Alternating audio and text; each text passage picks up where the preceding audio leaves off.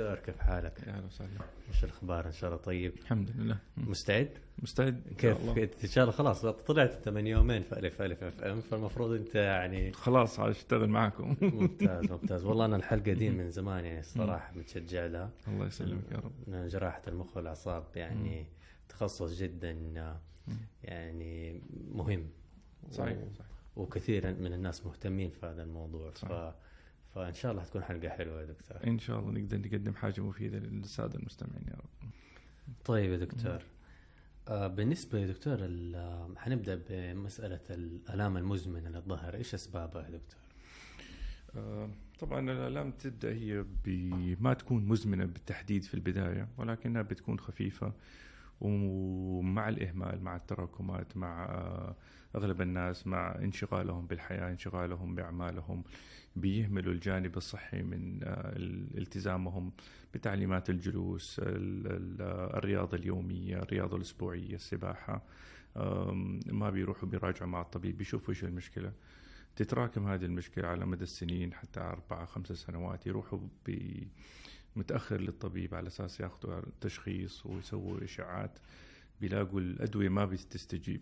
لأنهم تركوها فترات طويلة. الفترات هذه الطويلة هي اللي بتحول الألم البسيط اللي بيجي في البداية إلى ألم مزمن يصعب علاجه وتكون طرق علاجه شوية أكثر من الطرق الاعتيادية وأحيانا نلجأ إلى الجراحة عشان نحل الموضوع. فهو الألم بالضبط اللي ياخذ إيش؟ اللي ياخذ فترات طويلة وتتراكم مع الوقت. ليش دائما نسمع إنه الناس عندها آلام في أسفل الظهر خصوصا؟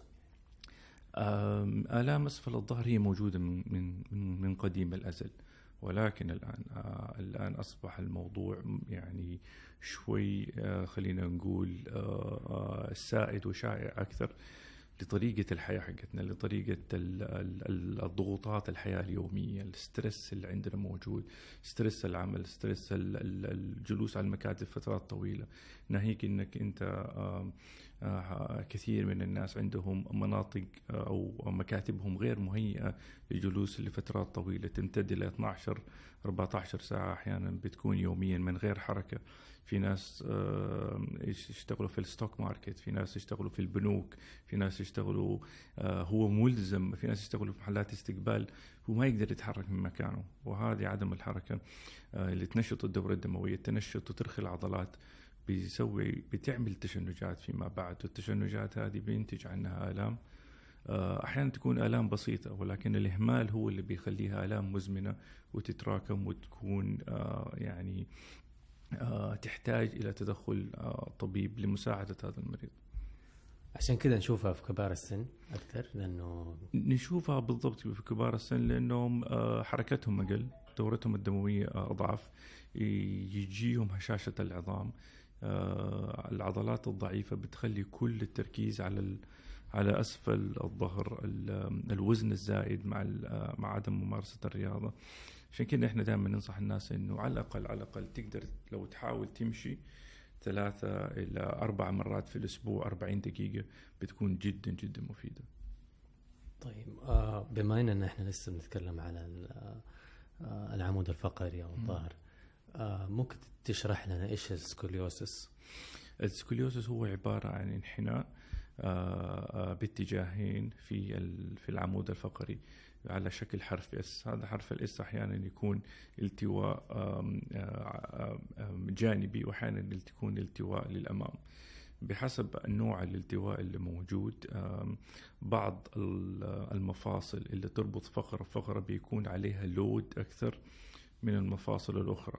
فبتسوي لنا مشكلتين مشكلة في الشكل العام للع- للعمود الفقري وبالتالي للجسم ومشكلة في لود أكثر على بعض المفاصل اللي بتربط الفقرات ببعض ويكون اللود هذا كبير. يعني كمثال خلينا نقول واحد واقف ولكن مميّل على ركبة أكثر من الثانية. مع الوقت الركبة هذه حتبدأ تتعب. تعطينا تنبيه إنه لا غير الوضعية. في ال scoliosis ما عندنا تغيير وضعية لأنه كل شيء مثبت. فمهمتنا بتكون إنه إحنا بنصلح اللي هو حاجة إحنا بنسميها sagittal balance إيش معنى sagittal balance اللي هو استقامة العمود الفقري بحيث الفقرة الثانية تكون نازلة على أس على وسط الحوض فهذا هو الاستقامة اللي إحنا دائما إيش بنسوي لها correction أو نصلحها مع هذول الناس. طيب هل بيكون الشكل يعني ظاهر يعني الناس تقدر تنتبه انه الشخص هذا عنده scoliosis ولا هو شيء مرة سؤال مهم. آه في بعض الأحيان ما نقدر نلاحظه على الناس لأنه بتكون بدرجات بسيطة وهذه الدرجة البسيطة بتسوي آلام شديدة ولكن آه ما بتكون ظاهرة على بعض الناس. فنشوفها في بس في صورة الإشعاعات أما في بعض الناس بتكون جدا واضحة وتكون هذه درجات متقدمة وغالبا تحتاج تدخل جراحي في الحالة هذه يعني إيش إيش بيكون المريض؟ كيف بيكتشف؟ بسبب آلام معينة في أسفل الظهر؟ آلام تكون متركزة في وسط أو أسفل الظهر. أوكي كذا بيكون التشخيص. مم. جميل يا دكتور. طيب حنروح على محور آخر دحين. حنخش على موضوع المخ والأعصاب. آه خلينا نتكلم على مسألة جراحات الصداع. أنا هذه أول مرة أسمع فيها لما تكلمت معك في السابق دكتور.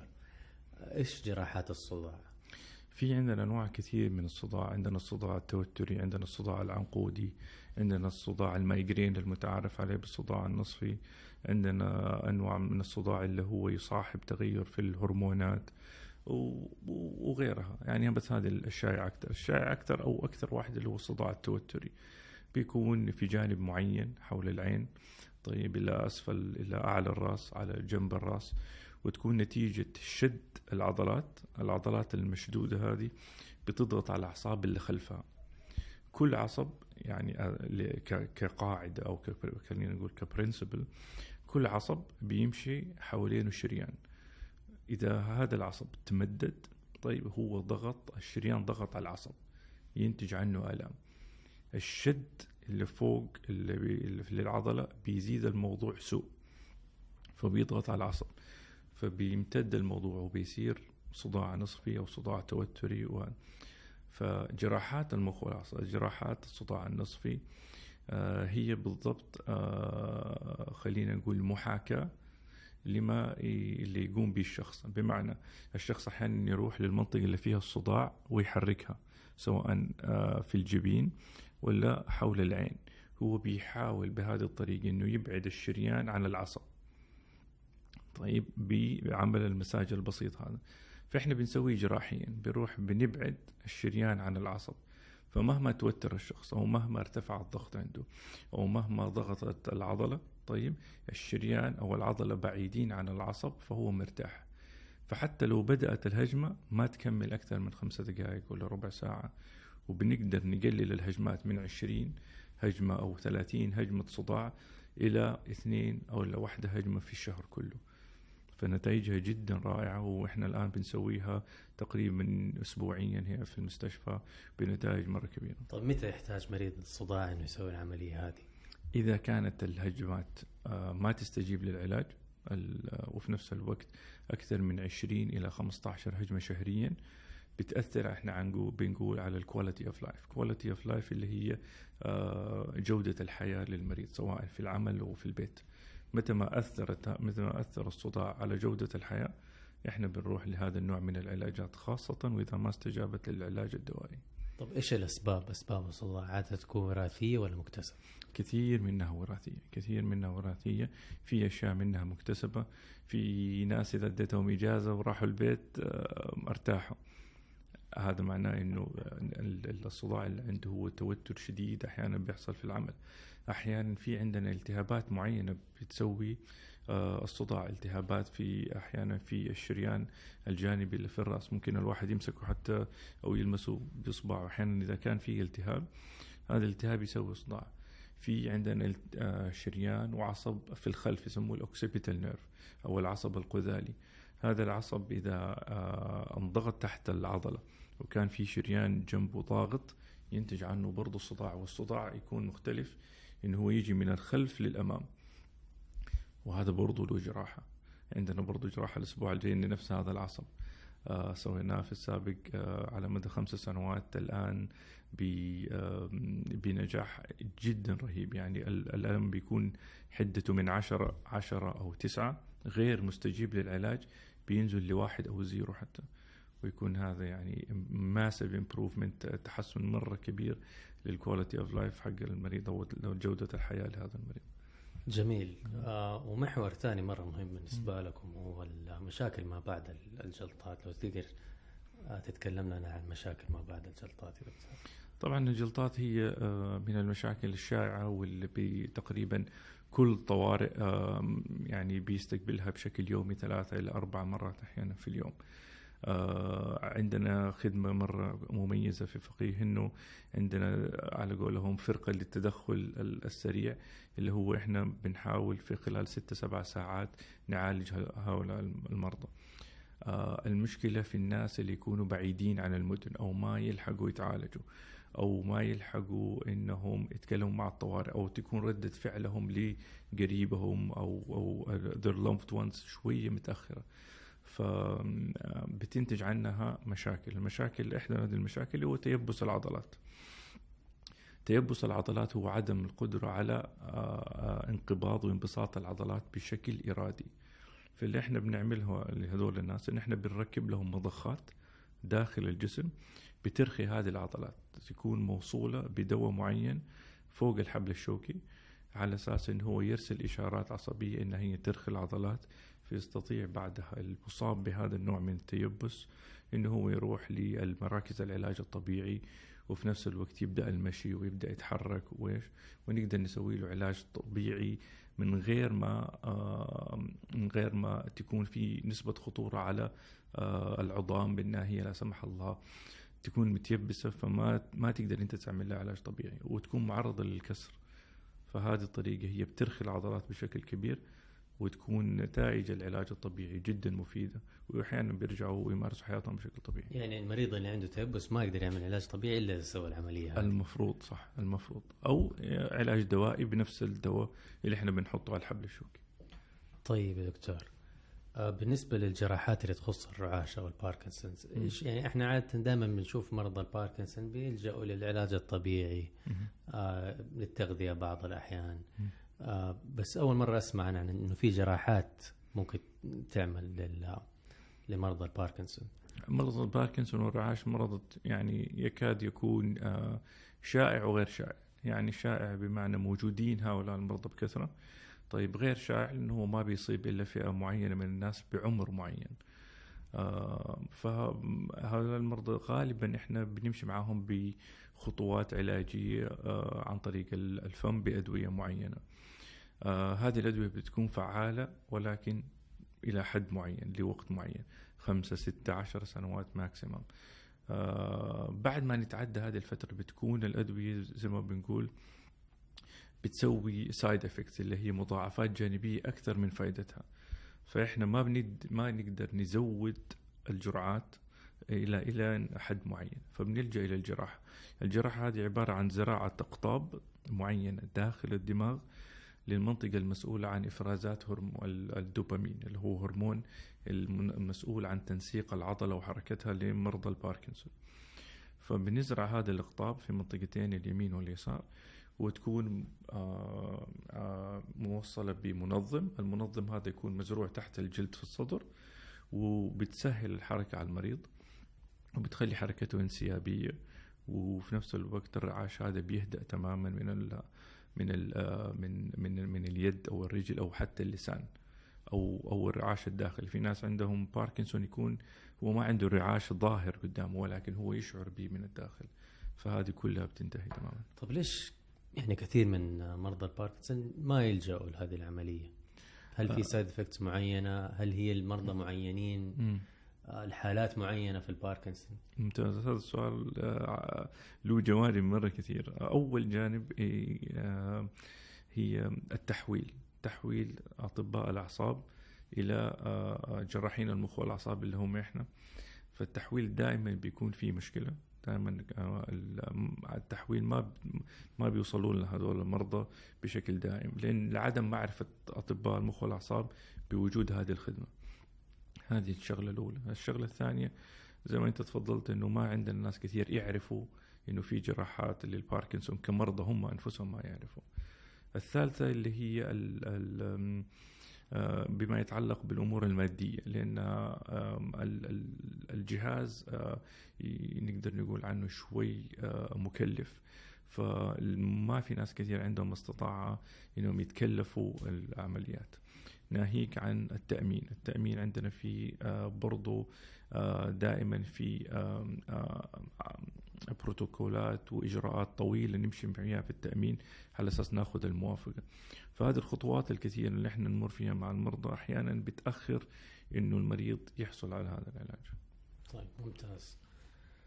هو الباركنسون سبحان الله يا دكتور ما أدري من الأمراض اللي أحس إنه يعني جدا يعني مؤلمة على المريض وعلى أهله وعلى نفسيته حتى يعني مو بس لأنه تغير حياة البني آدم تماما يعني. آه تماما لأنه لأنه ما بتأثر عليه هو كمريض بتأثر على من حوله بتأثر على على على على آه، أحيانا بيكون هو المسؤول عن إعالة البيت هو المسؤول أو هي المسؤولة عن القيام بشؤون البيت بشكل كامل. خسارة هذا الفرد من من من من المعادلة في البيت أو في المجتمع هي خسارة كبيرة وأحيانا يكونوا هذول ناس في قمة نشاطهم العملي. ف إنك أنت ما تعالجهم أو إنك أنت ما تعطيهم ال option هذا أو الفرصة هذه إنهم هم يرجعوا لحياتهم الطبيعية بتكون آه يعني ما هي خسارة ترى على على عائلة أو فرد أو هو شخصه على مجتمع باسره مظبوط. طيب دكتور حنروح على جانب آخر اللي هو تحفيز الحبل الشوكي.